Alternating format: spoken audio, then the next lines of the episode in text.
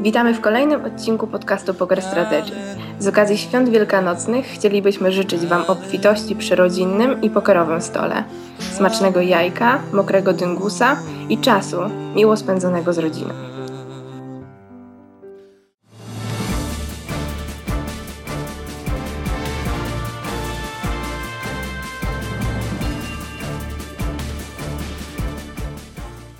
Witamy w kolejnym serwisie informacyjnym pokerstrategy.com.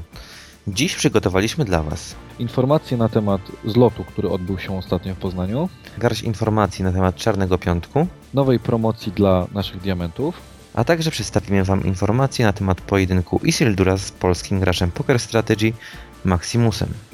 zapraszamy.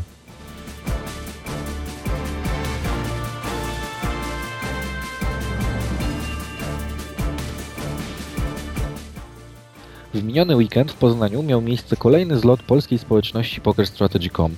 W tym newsie prezentujemy małe podsumowanie wszystkich imprez. Po piątkowych wojażach w hostelu Melody przyszedł czas na oficjalne rozpoczęcie zlotu turniejem piłki nożnej.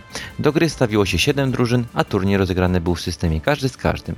Ostateczne zwycięstwo zapewniła sobie drużyna Atolfan, wyprzedzając o zaledwie 2 punkty Dream Team. Po kilkugodzinnym odpoczynku diamentowa część naszej społeczności udała się do restauracji Browaria na uroczystą kolację. Przy wejściu każdy z uczestników został powitany przez dwie piękne hostessy oraz naszych adminów. Jedzenie było naprawdę wyśmienite, a dodatkowo praktycznie nieograniczona ilość whisky i piwa sprawiły, że wszyscy byli uśmiechnięci i skorzy do dyskusji na wszystkie możliwe tematy. To jednak nie koniec sobotnich wrażeń, ponieważ o 22 wszyscy udali się do klubu Czekolada, gdzie impreza trwała do białego rana. Oczywiście wszyscy uczestnicy zlotu, niezależnie od posiadanego statusu, mieli zapewniony darmowy wstęp do klubu, zaś diamenty i black memberzy mogli dodatkowo liczyć na darmowe trunki. Jak się okazało, wynajęta dla nas sala VIP była naprawdę ogromna i każdy mógł się czuć niezwykle swobodnie. Jak to w klubach bywa, jedni zdecydowali się na podłój parkietu, a inni woleli rozsiąść się na bardzo wygodnych kanapach i dyskutować o wszystkim i o niczym. Każdym razie, w czekoladzie czas upływał bardzo szybko i najwytrwalsi bawili się aż do godziny 6 nad ranem. Niedziela to kolejna atrakcja dla naszych diamentów i black memberów, a mianowicie wyścigi go-kartowe. Każdy z uczestników mógł co najmniej dwa razy przejechać się na profesjonalnie przygotowanym torze, a reszta obserwowała wyniki ścigających się na specjalnych monitorach. Zabawa była naprawdę niesamowita. Po długich bojach poznaliśmy najlepszą trójkę. Na podium uplasowali się Bombel, Counted oraz Rocky Raccoon. Był to kolejny zlot, który będziemy zapewne jeszcze długo wspominać. Serdecznie dziękujemy wszystkim uczestnikom i liczymy na to, że spotkamy się na następnej tego typu imprezie już wkrótce. Piątek 15 kwietnia 2011 rok. Ta data już na zawsze pozapadnie wszystkim pokerzystom w pamięci. To właśnie w ten dzień FBI oraz amerykański Departament Sprawiedliwości zamknęły strony internetowe PokerStars, Full Tilt Poker, Absolute Poker oraz Ultimate Bet, stawiając stan oskarżenia założycieli i menadżerów tych poker roomów. Postępowanie karne przeciwko zamieszanym osobom dotyczy m.in. prania brudnych pieniędzy, oszustw bankowych oraz nielegalnego hazardu. Konsekwencje tych działań były łatwe do przewidzenia.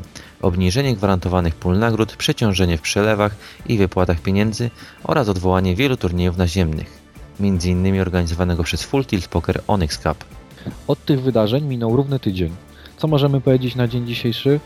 Powróciły domeny Poker Stars i Full Tilt Poker, wypłaty zostają powoli uruchamiane, a europejskie poker aż prześcigają się w nowych ofertach. Nie wiemy jak długo utrzyma się taka sytuacja, jednak możecie mieć pewność, że czytając nasze newsy dowiecie się o tym pierwsi. Pamiętacie, jak w ubiegłym roku Gibraltar odwiedziło czterech naszych najlepszych trenerów? Oprócz nagrywania specjalnych produkcji spędzili oni mnóstwo czasu na atrakcjach, które przygotowali dla nich nasi admini. W tym roku trenerzy pojawią się na Gibie ponownie, ale tym razem dołączy do nich jeszcze jedna osoba. Może to być każdy z Was. Jeżeli w dniach 16-29 maja chociaż przez jeden dzień będziecie mogli poszczycić się diamentowym statusem w naszym serwisie, weźmiecie udział w losowaniu promocyjnego pakietu wycieczki na Gibraltar wraz z polskimi trenerami Poker Strategy. Promocja ta skierowana jest wyłącznie do polskich użytkowników. Pakiet promocyjny zapewnia moc atrakcji, a są to m.in. Przelot na Gibraltar w obie strony, odebranie z lotniska, zakwaterowanie na Gibraltarze na cały czas trwania promocji, kolacja z adminami, wypad limuzyną do klubu Estapone i impreza w sekcji VIP, dzień na plaży barbecue, oraz wycieczka na szczyt The Rock. Mamy nadzieję, że spodoba Wam się ta promocja i da Wam jeszcze większą motywację do grania diamentowego statusu w naszym serwisie. Zapraszamy! 24 kwietnia, godzina 21.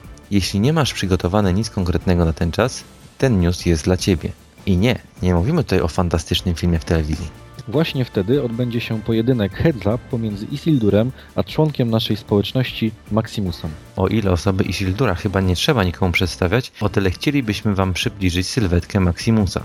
Jest on graczem MDT, grającym turniejem spisowym nie przekraczającym 30 dolarów, lecz można go spotkać również w heads-upach Sit and Go za 50 dolarów. Pojedynek między graczami odbędzie się na zasadach Superstar Showdown. Muszą oni rozegrać 2,5 tysiąca rozdań na stawkach 50 dolarów na czterech stołach. Nasz zawodnik startuje z pulą 15 tysięcy dolarów i wszystko co ugra jest jego. Na pewno pojedynek z tak znaną postacią jak Isildur nie będzie należał do najłatwiejszych, więc z pewnością Maximusowi przyda się Wasza obecność i doping.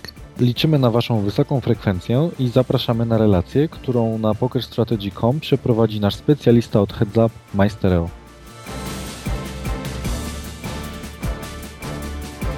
Serdecznie dziękujemy za wysłuchanie serwisu informacyjnego w kolejnym podcaście PokerStrategy.com i z okazji nadchodzących świąt chcielibyśmy życzyć Wam wszystkiego najlepszego.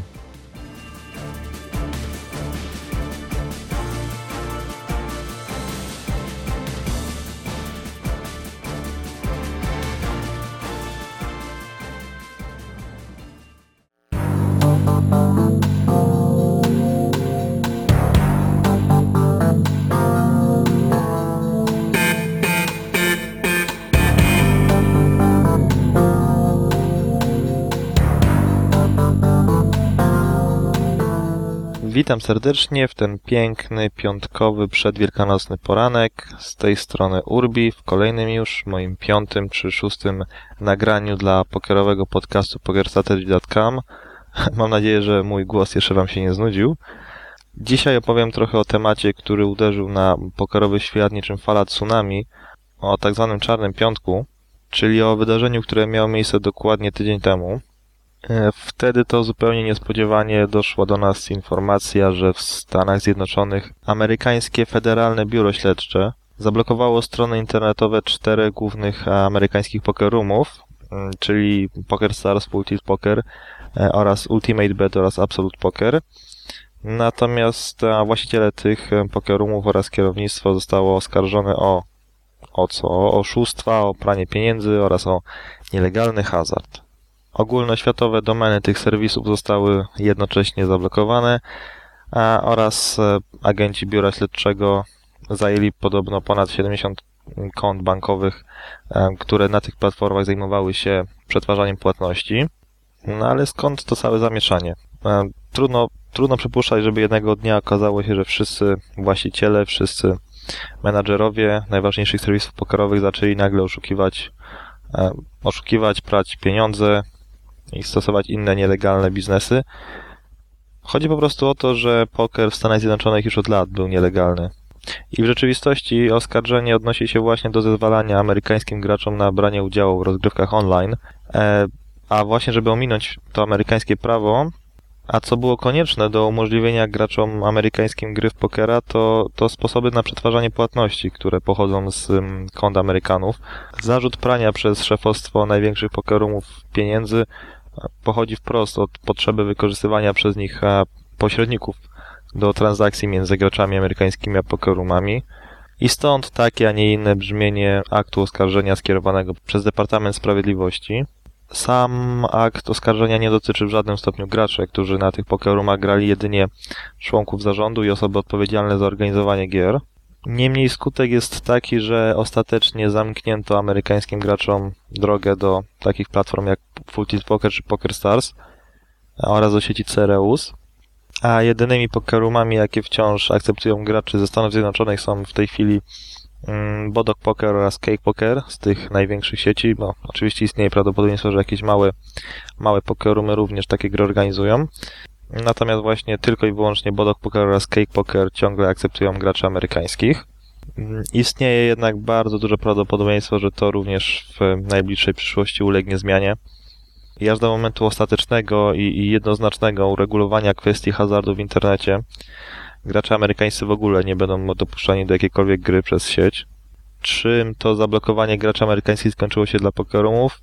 No otóż na Full Tilt Poker zanotowano prawie 50% spadek ilości graczy.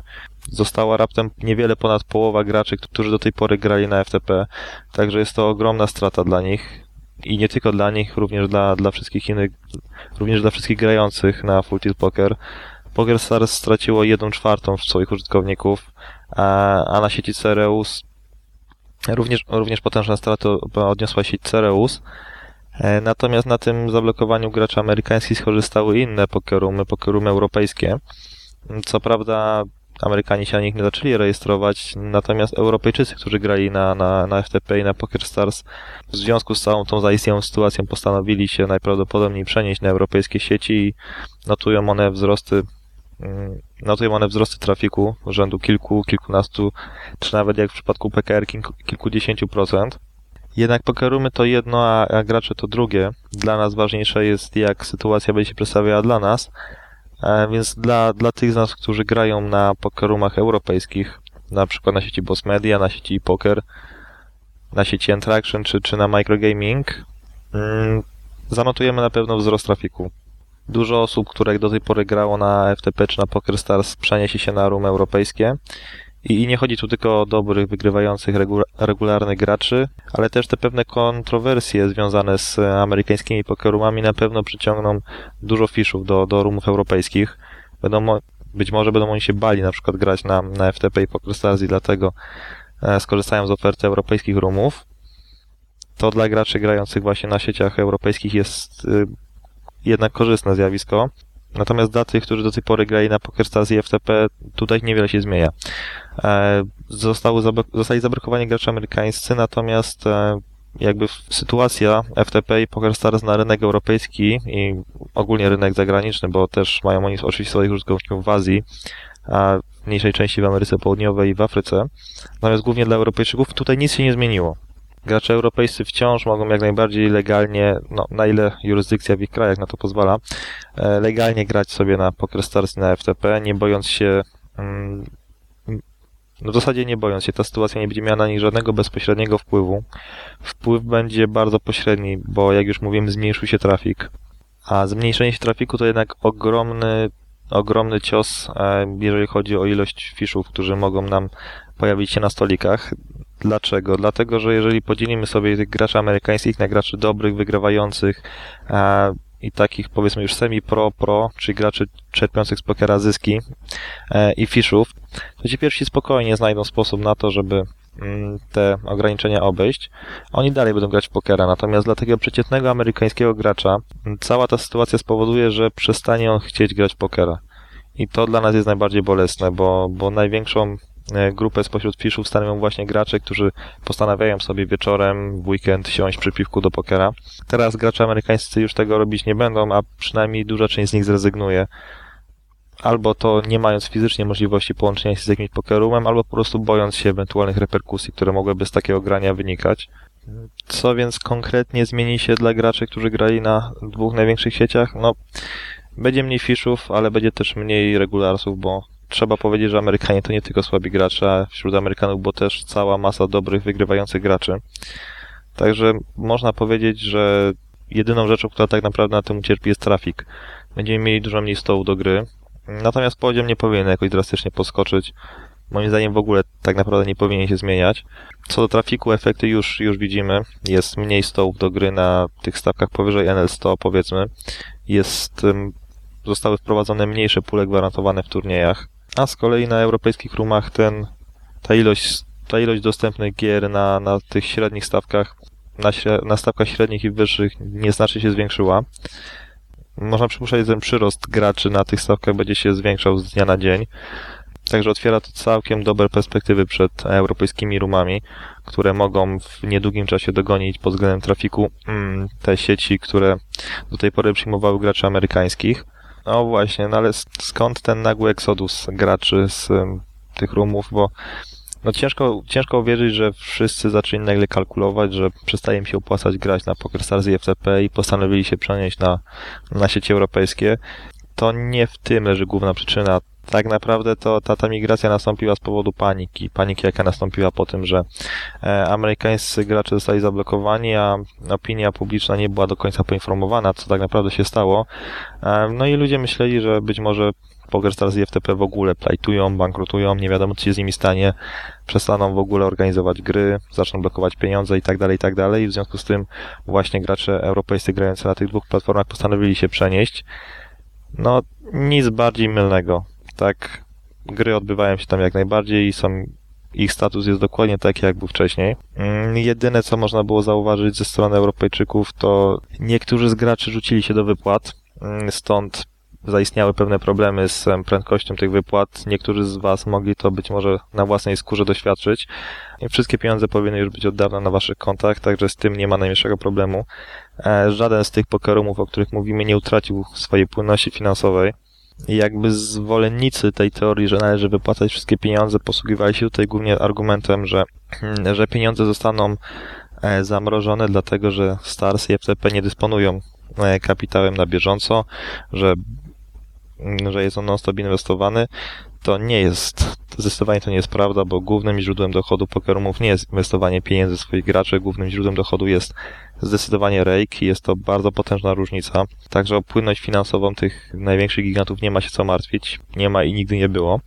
Ale skoro już przy tych wypłatach jesteśmy, to warto tutaj powiedzieć, że zarówno Money Bookers, jak i Neteller nie mają z, z całą tą sytuacją nic wspólnego. E, jeżeli doświadczacie jakichś problemów z wypłatami, to jest to właśnie wina zwiększonej ilości osób, które tych wypłat dokonują. Mm, tylko i wyłącznie to może stać na przeszkodzie, aby się dostali swoje pieniądze tak szybko jak zwykle, natomiast e, Natomiast w stosunku do portfeli internetowych nie postawiono żadnych zarzutów i tu ponownie powtórzę to hasło, dla nas, dla graczy europejskich nic się nie zmienia. Nic po czarnym piątku się nie zmienia. W ogóle fajna nazwa Czarny Piątek. Mm, większość z Was pewnie wie skąd się wzięła. Czarny Piątek jest takim bardzo prostym odwołaniem do Czarnego Czwartku, czyli do tego dnia gdzieś na początku XX wieku, gdy na giełdzie amerykańskiej nastąpił, nastąpił potężny krach, krach, który doprowadził do bankructwa wiele, wiele, wiele osób. Czarny Piątek do bankructwa nie doprowadzi prawdopodobnie nikogo, natomiast no, również skala tego wydarzenia jest zupełnie inna niż, e, niż tego, z którym mamy do czynienia mm, obecnie. Porównanie jest jednak o tyle dobre, że przyczyny można by powiedzieć, że są całkiem podobne, no przyczynami był brak, brak kontroli w pewien sposób. To znaczy gracze amerykańscy mogli sobie grać, mimo że prawo im na to nie zezwalało. Mm, no i pewnego dnia stwierdzono, że jednak koniec. A jeżeli przy okazji dorzucimy do tego wszystkiego akt oskarżenia zawierający korupcję, pranie pieniędzy i inne tego typu oszustwa, to otrzymujemy głośną i spektakularną akcję służb amerykańskich służb, które tak naprawdę zrobiły to, co powinny zrobić już dawno. Może, może nie w ten sposób, e, może nie w ten sposób jak teraz, ale no jak mówiłem na początku, poker e, w Stanach Zjednoczonych jest od dawna nielegalny i o ile w Polsce w tej całej, w całej naszej polskiej rzeczywistości, w momencie, gdy poker jest nielegalny i tak wszyscy wiemy, że, że gramy sobie i nikt z nas się o nic nie boi, no to Stany Zjednoczone jednak e, wydawać by się mogło, że tam to działa trochę inaczej niż u nas, że tam jednak prawo jest egzekwowane i że są na to metody i przede wszystkim są na to środki, także mnie naprawdę dziwiło, jak to jest możliwe, że aż tak bardzo mm, obchodzi się prawo na tą skalę, bo to nie jest te kilkadziesiąt czy kilkaset tysięcy pokorzystów w Polsce, tylko to jednak jest biznes, e, w którym kręci się wiele milionów osób każdego dnia.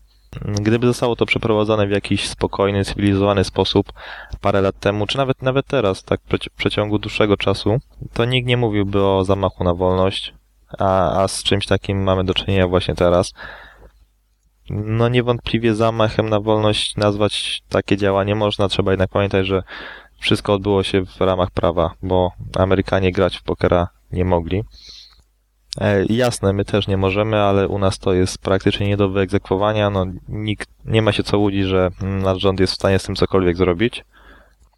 A i w razie gdyby jednak udało im się przeforsować pewne ustawy e, i pewne środki już takiej bezpośredniej już takiego, bez, już takiego bezpośredniego egzekwowania tych zapisów, ale to my jesteśmy na tyle powiedzmy doświadczeni, sprytni przebiegli, że mamy, że mamy kanały VPN. No właśnie, ale na tym trzeba się znać, tak? E, żaden praktycznie kryzys pokerowy od strony technicznej nie jest w stanie uderzyć w graczy grających regularnie. to wszystko uderza w fiszów, uderza w graczy niedzielnych, w graczy słabych, tych, na których nam, nam, nam najbardziej zależy. A no i właśnie jak długo to potrwa? Mm, Nie wiadomo. E, Na chwilę obecną szacuje się, że nawet kilka lat może taki blackout potrwać. Coś w rodzaju pokerowej prohibicji dla Amerykanów, aż do momentu, gdy, mm, aż do momentu, gdy status prawny pokera nie, nie zostanie uregulowany przez rząd amerykański. A, a co na to wszystko amerykańscy prosi? No, nie podchodzą do sprawy raczej optymist... No, optymistycznie to może jest za duże słowo, ale nie martwię się tym aż tak, jak mogłoby się wydawać. Przecież e, nikt im nie każe mieszkać w Stanach Zjednoczonych. Wystarczy wyjechać za granicę i można sobie spokojnie grać pokera. Także na podsumowanie powiem to jeszcze raz, że cały ten kryzys uderza głównie w amerykańskich graczy niedzielnych, czyli w tych fiszów, z którymi my bardzo chcielibyśmy się spotykać. Nas, Europejczyków, bezpośrednio ten cały kryzys w ogóle nie dotyczy. Pokerumy są bezpieczne e, i to zarówno te amerykańskie, no choć PokerStars i FTP nie, nie są amerykańskie, chodzi miałem się, że przyjmują amerykańskich graczy, przyjmowały. E, Zarówno te, te rumy, jak i rumy europejskie są całkowicie bezpieczne. E, Sposoby wypłat przez Moneybookers, przez Netelera, tak jak były do tej pory, są jak najbardziej bezpieczne, całkowicie i absolutnie. Zmieni się trochę trafik, trafik wzrośnie na rumach europejskich, zmaleje na rumach em, tych e, powiedzmy amerykańskich. Poziom gry sam z siebie raczej nie podskoczy jakoś znacznie. Możliwe, że na PokerStars FTP minimalnie e, poprzez to, że będzie trochę mniej fiszów poziom wzrośnie, ale tutaj nie należy się spodziewać jakichś znaczących skoków. Poziom na pewno spadnie na rumach europejskich, choć już na większość z nich jest i tak strasznie niski, ale fisze będą się jednak rejestrowały na tych rumach europejskich, a nie na mm, FTP i na PokerStars. I w zasadzie to tyle. Aha, jeszcze jaka jest sytuacja Poker Strategy odnośnie tej całej sytuacji? No otóż Poker Strategy od lat, na pewno od kiedy ja tu jestem, a prawdopodobnie od początku swojej historii nie przyjmowało graczy amerykańskich, Mm, także u nas się nic nie zmienia. Wszyscy nasi gracze dalej spokojnie mogą grać na, na rumach, które są naszymi partnerami, Mm, a i wiele z nich specjalnie z tej okazji przygotowało promocję, żeby zaprosić do siebie nowych graczy. I na jakiekolwiek informacje w tym temacie należy spokojnie czekać. Absolutnie nie wpadać w panikę, nie denerwować się, bo tak naprawdę niewiele się zmienia. Dziękuję serdecznie. Mówił Urbi dla pokerstrategy.com. A jeszcze zapomniałbym, oczywiście życzę wszystkim wesołych świąt, dobrego jedzenia, ładnej pogody i, i najlepiej, abyśmy wszyscy w świetnych humorach spotkali się na kolejnym zlocie Poker Strategy, na który wszystkich już, już teraz serdecznie zapraszam. I jeszcze raz dziękuję, trzymajcie się.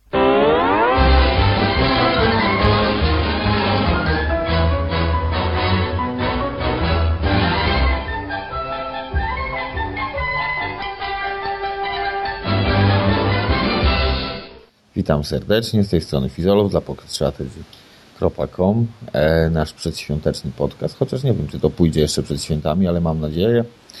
E, moim dzisiejszym gościem jest Tegesu, nasz nowy Black Member, ostatni. Znaczy się nie ostatni, ostatnio przyjęty do tego szacownego grona, mam nadzieję, że nie ostatni. Witam Cię serdecznie. Witam, witam wszystkich serdecznie. Jak przed świętami? Słyszałem, że okna wczoraj myłeś. No, myłem część, ale dziś jeszcze mi zostało trochę do umycia. Taki okres przedświąteczny jest kiepski, zawsze dużo do roboty i w ogóle. Kto Cię, Nie przepadam. kto cię tak goni do pracy? I, i moja kochana Agusia, yy, a poza tym jeszcze tutaj niestety rodzice mają coś do powiedzenia w tej kwestii, więc jakiś taki obowiązek, że wiesz, przyzwyczajenie od zawsze były okna przeze mnie albo przez brata, no i tak zostało. Poza tym jest to chyba taka okazja, że na święta jak się raz przed świętami myje, to przynajmniej przez całe, nie wiem, wiosnę, lato będą w miarę, w miarę wyglądały, a nie zarosną czymś. Dobrze, że nie mamy tych takich, wiesz, lawin błotnych u nas. No dobrze, dobrze, że nie mamy. Ale wiesz, z drugiej strony może gdyby były, były takie lawiny, to może człowiek po prostu by zrezygnował kompletnie z tego mycia. No albo myłbyś częściej. No albo tak. Wiesz tego, to, to masz rację. E, ostatnio inna lawina błotna się stała. E, gdy byliśmy na zlocie w Poznaniu, to za oceanem się taka zrobiła dziwna.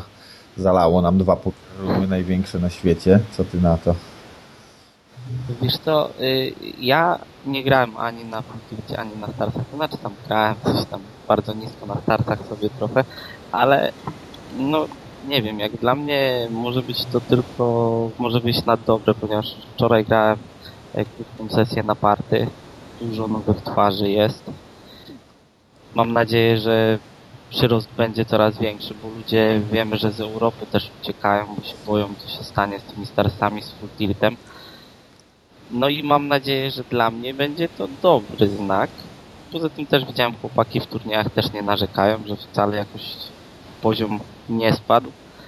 Znaczy nie wzrósł, tylko wręcz przeciwnie, więc ja na to tak patrzę, że wiesz, to jest w Stanach.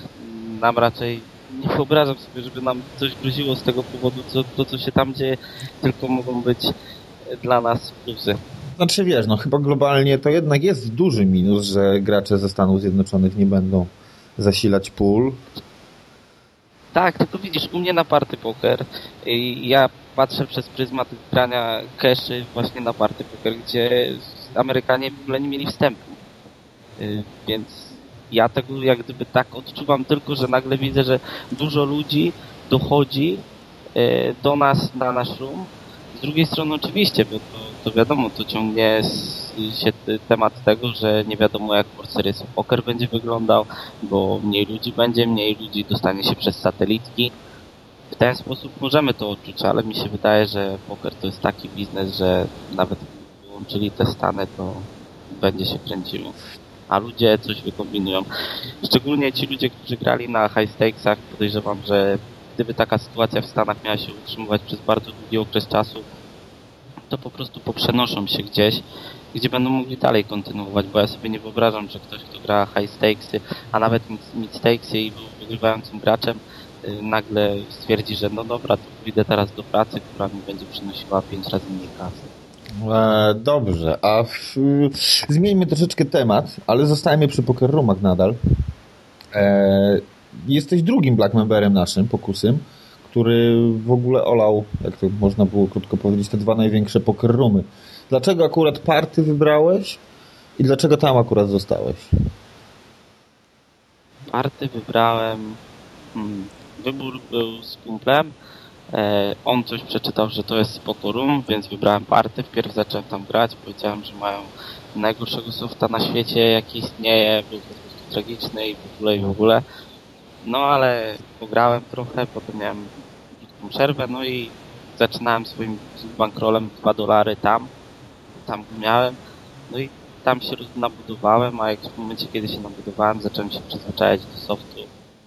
Wszystko mi pasowało, tam miałem ciągle rola. Nie myślałem o tym, nie uważam, że wiesz, takie jakieś jazdy ludzie mają softy strict, czy coś takiego, żeby się przenosić. Jak mam grać, to obojętnie gdzie będę grał, byle były stoły, a to było zawsze dobrze, a im dużo więcej grałem, więcej punktów leciało i kasy, to lepiej zauważałem, jak party zaczyna dbać o swoich klientów, bo naprawdę rejbek w miarę im grasz na wyższych stawkach jest coraz większy, aż do tego że spokojnie masz 40% plus wszystkie premie, bonusy jakie oni dają, to spokojnie można wyciągnąć 60% ragebacku, co przy, przy tym jak ja gram bardzo dużo stołów było dla mnie to bardzo ważne.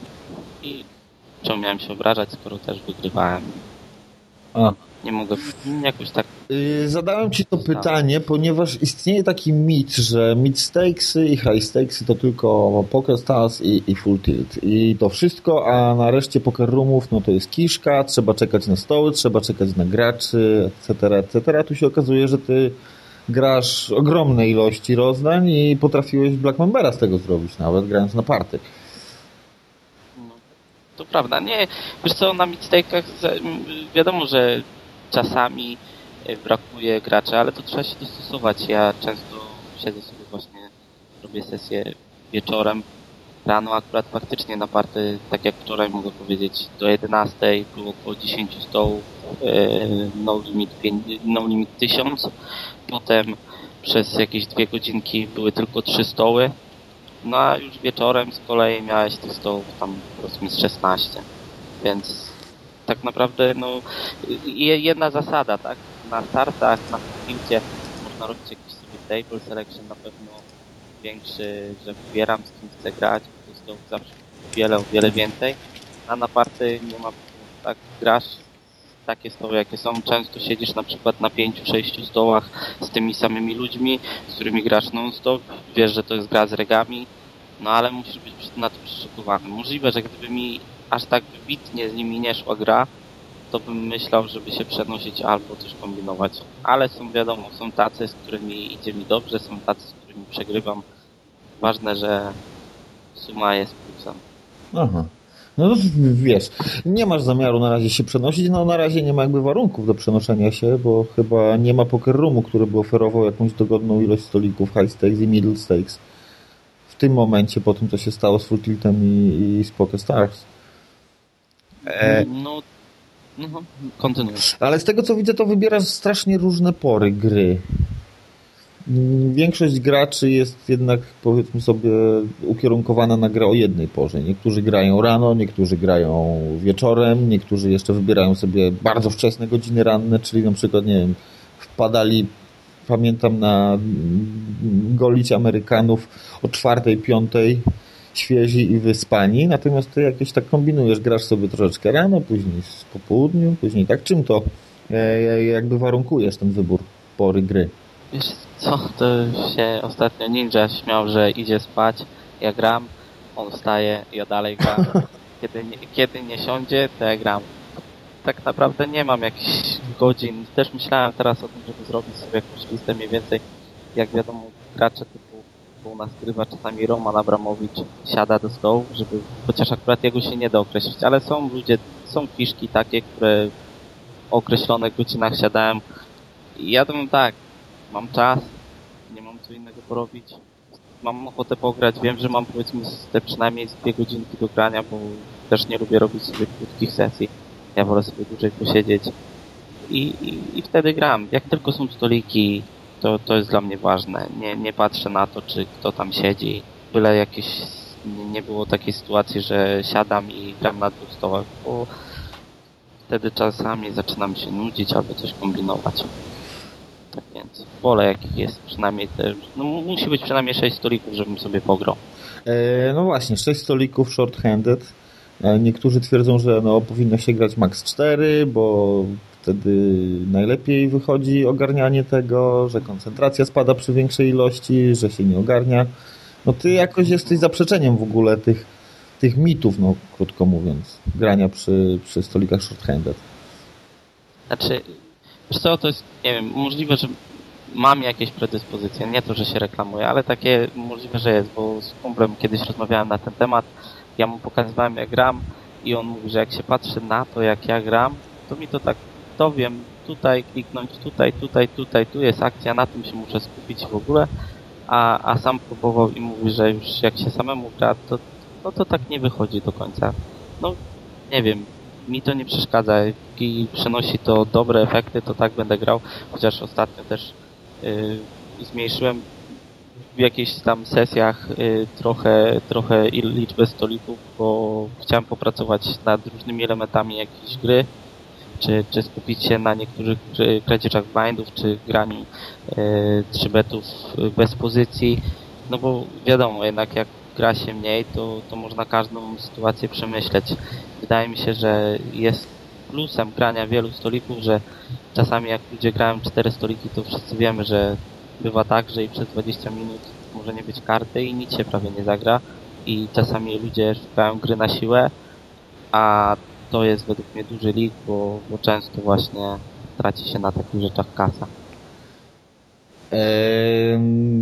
Jest jeszcze jeden mit taki, który panuje u nas w ogóle na stronie, że Black Memberzy to przede wszystkim gracze SNG i fixed limitowcy, którzy płacą ogromny rake i, i ogromne prowizje i dlatego zdobywają taką masę punktów, a ty tutaj nagle wpadłeś i zrobiłeś sobie Black Membera grając No Limit Hold'em short-handed.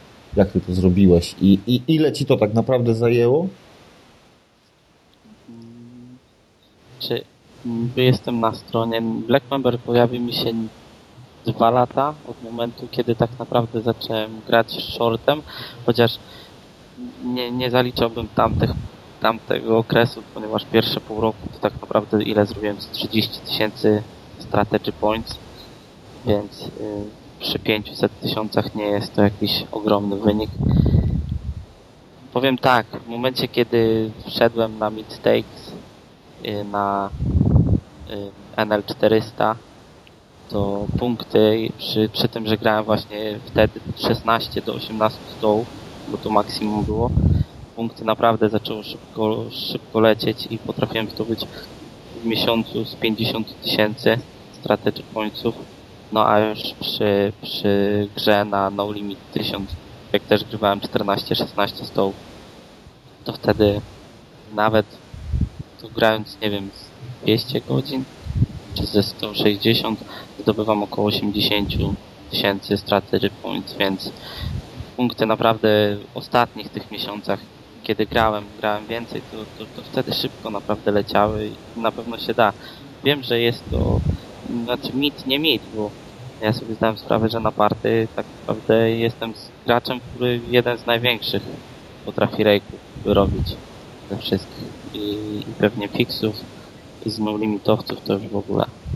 No ale mi taka gra pasuje i mówię, ja będę grał tak, żeby jak najwięcej z tego kasy wyciągać, a nie, żeby gra się podobała. E, przy takiej ilości godzin, jaką wspomniałeś, 160 do 200 godzin miesięcznie, to powiedz mi, jak ty godzisz to um, grę z życiem no, rodzinnym, bo za niedługo już będziesz miał żonę, poznaliśmy ją na zlotce, Tak. twoją lubą, która jest obecnie twoją narzeczoną. Jak, jak ona się do tego ustosunkowuje? Czy nie jest zazdrosna o to, że tyle czasu poświęcasz stolikom wirtualnym i graczom i pieniądzom, a nie jej właśnie? Nie, nie, nie. Wiesz, ona traktuje to, zdaję sobie sprawę, ja tak traktuję to jako pracę. E, jeżeli, wiadomo, że czasami kiepsko jest, bo właśnie wieczorami gram, ale ja też nie mam problemu takiego, jeżeli nie, nie mam ochoty grać, bo mamy ochotę coś razem zrobić, to po prostu nie gram, bo nie muszę. Ale no, 200 godzin to z drugiej strony to wychodzi ile? Niecałe 50 godzin w miesiącu, tak? 200 godzin mie- miesięcznie mówisz, czy 200 godzin? W tygodniu. A, no. 200 godzin w miesiącu. Aha. To wychodzi z 50 godzin w tygodniu. Czyli tak naprawdę podejrzewam, że to, to wychodzi już wynik taki, jak mamy normalną pracę. A jeżeli ja potrafię y, zrobić taki dzień, że gram powiedzmy sobie 12 godzin, z tego co wiem, to również twoja Agnieszka grała w pokera. Ty ją nauczyłeś, czy ona już umiała, czy jak to było?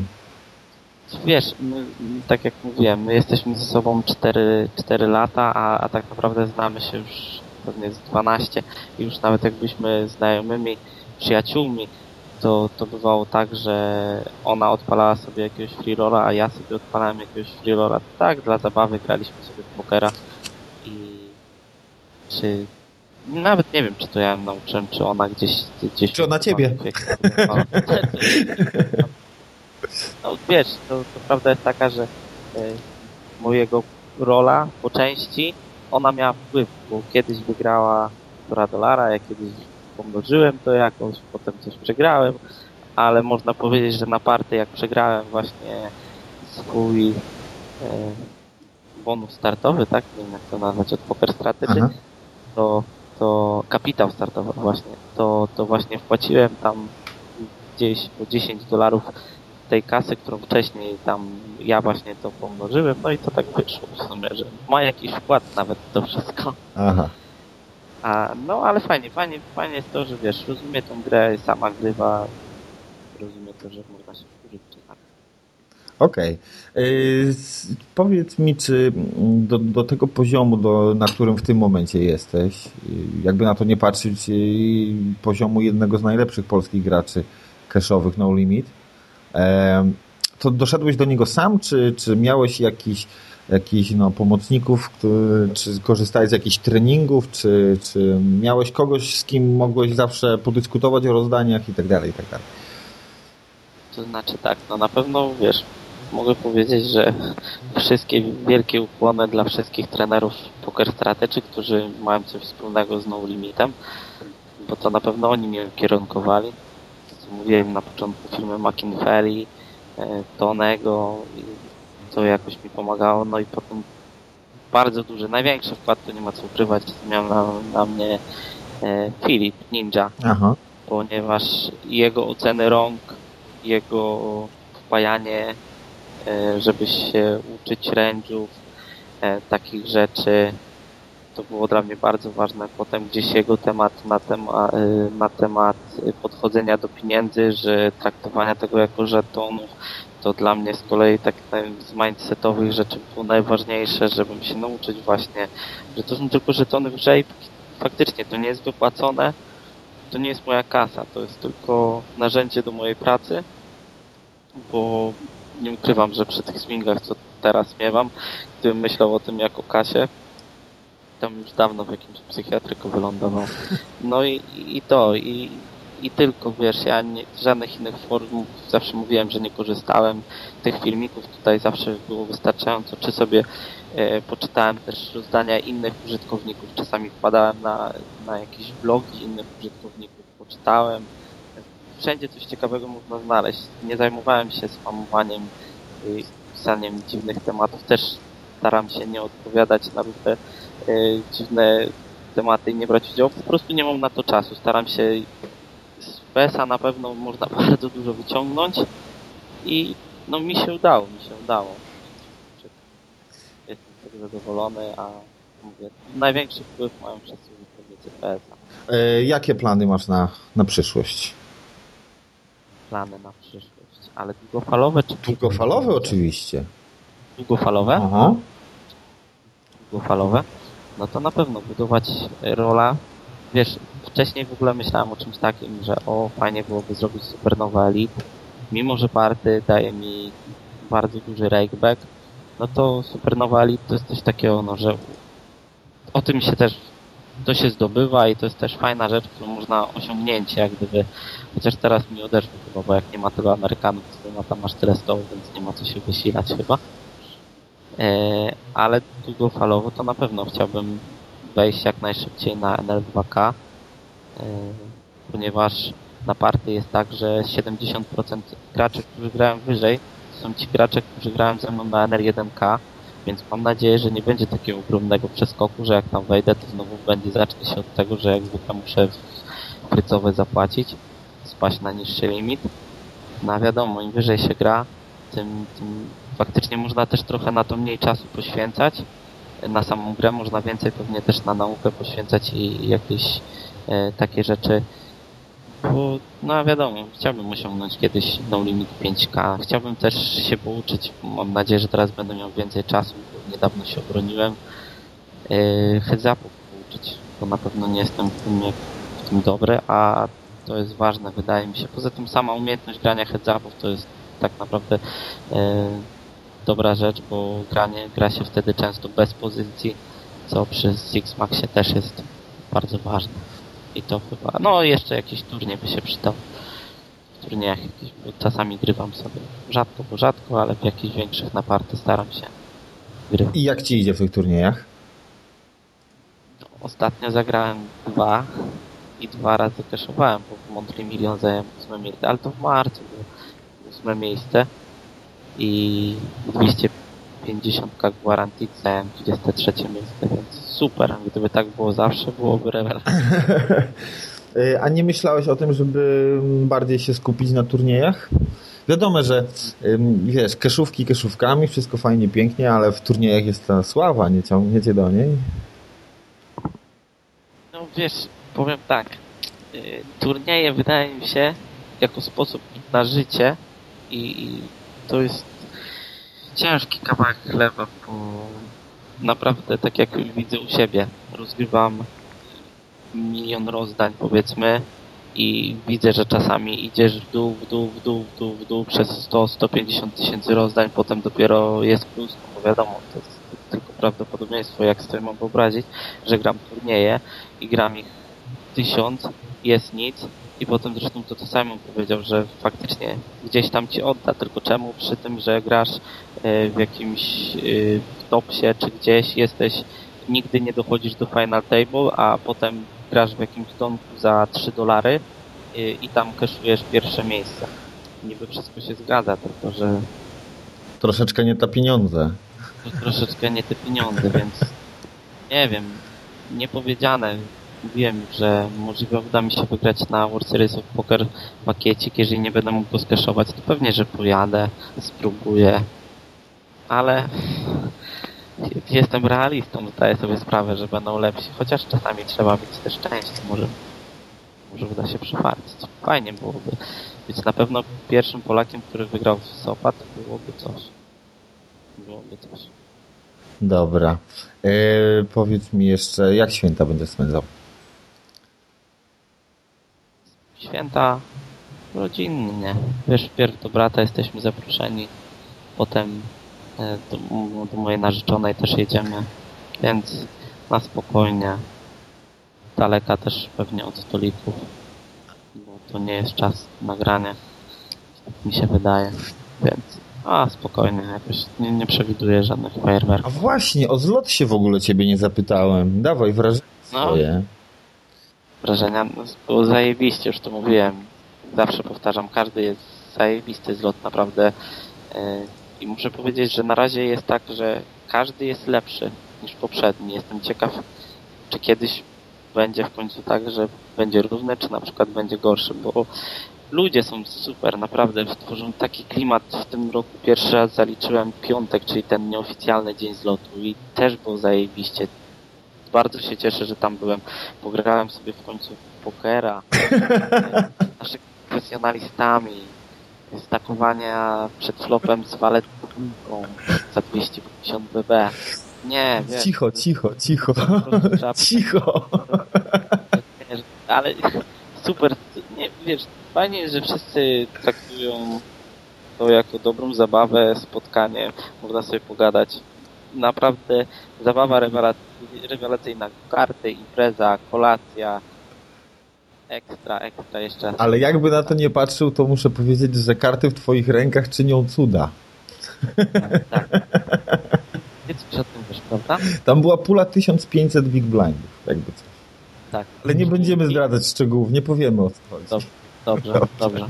Ale powiem tak, przed klopem miałeś jednego, jednego autera. No, ale na Riverze byłem górą. Eee, i jeszcze jedna sprawa, jak już jesteśmy przy różnych zlotach imprezach. Jesteś teraz Black Memberem, wybieracie się zapewne do Odessy na Black Member A. Party. Nie wiem, czy lecimy do Odessy, bo chciałem się wybrać do Wiednia. Aha, Doszła, doszły mnie słuchy, że Wiedeń jest odwołany. aha. Jednak wczoraj z tego co sprawdzałem, to Wiedeń dla singlów jest odwołany, a chyba, ponieważ ja nie lecę jako singiel, oczywiście wybieram się z moją Agnieszką. aha. I jest, nie, nie jest, więc nie wiem, możliwe, że jednak nie Odessa, tylko Wiedeń, chociaż nie wiem, czy mogę tak zrobić, że polecę sobie i do Wiednia, i do Odessy. Muszę tak naprawdę to rozplanować, bo tak jak sam wspominałeś, we wrześniu ślub mam Aha. i trochę rzeczy sobie trzeba poukładać i nie mogę zrobić tak, że ciągle mnie nie będzie w domu. Potem jakby mnie nie dopuszczą jeszcze do tego, żeby wziąć ten ślub, jakieś nauki, takie rzeczy. Byłoby. No troszkę, troszkę jakby ci powiedzieli. Wiesz, jeżeli ktoś ma coś przeciwko temu związkowi, niech się odezwie, a tu nagle głosy. "A On się poparty Black Memberach uczy czarnych członków. Nie ma! No wiesz, jakby ktoś stał i powiedział, że on jest czarnym członkiem, to mogło być. A no tak, no to jeszcze lepiej, no to jeszcze lepiej. E, pa na dole się podobno wybierają i mm, e, Kopoland i Kusy, z tego co mówił, do Odessy. I myślałem, że ty również jesteś już z nimi jakobyś tam umówiony na ten Black Member Party. Nie, rozmawialiśmy na ten temat, ale właśnie, no inaczej, powiem tak, Odessy w ogóle nie brałem wpierw pod uwagę, ale właśnie przez to, że chłopaki lecą, to jest to w sumie ogromny plus, dlatego też bardzo myślę o tym, ale inaczej, ja muszę sobie poukładać, bo też mam parę obowiązków w domu i zobaczymy jak to wyjdzie. Okej. No to cóż, no będziemy kończyć powoli tą naszą rozmowę. Nie powiem wywiad, pozdrowienia dla Linksa. E, e, życzę Ci przede wszystkim zdrowych, wesołych świąt. Nie będę mówił, że spokojnych, no bo co tam. Po co? Że Jeszcze za wcześnie na spokój, za młodzi na to jesteśmy. No, A zdrowie też myślisz, że już się przydaje? No, no zdrowie to zawsze się przydaje, niezależnie od wieku. Zdrowych, ja tobie też życzę zdrowych. Nie, ja tobie spokojnych życzę, wiesz, taki wariat jesteś, to spokojny, się przydadzą się. Dobra. E, życzymy również naszym użytkownikom i wszystkim Tak, oczywiście, oczywiście. Pocket Strategy. Tym, którzy byli na zlocie i tym, którzy mogą żałować. Okej. I Zdrowych, spokojnych, wesołych świąt. Dzięki Ci jeszcze raz serdecznie za rozmowę. Dzięki. Pozdrawiamy. Pa, pa, pa, pa, pa, pa. pa.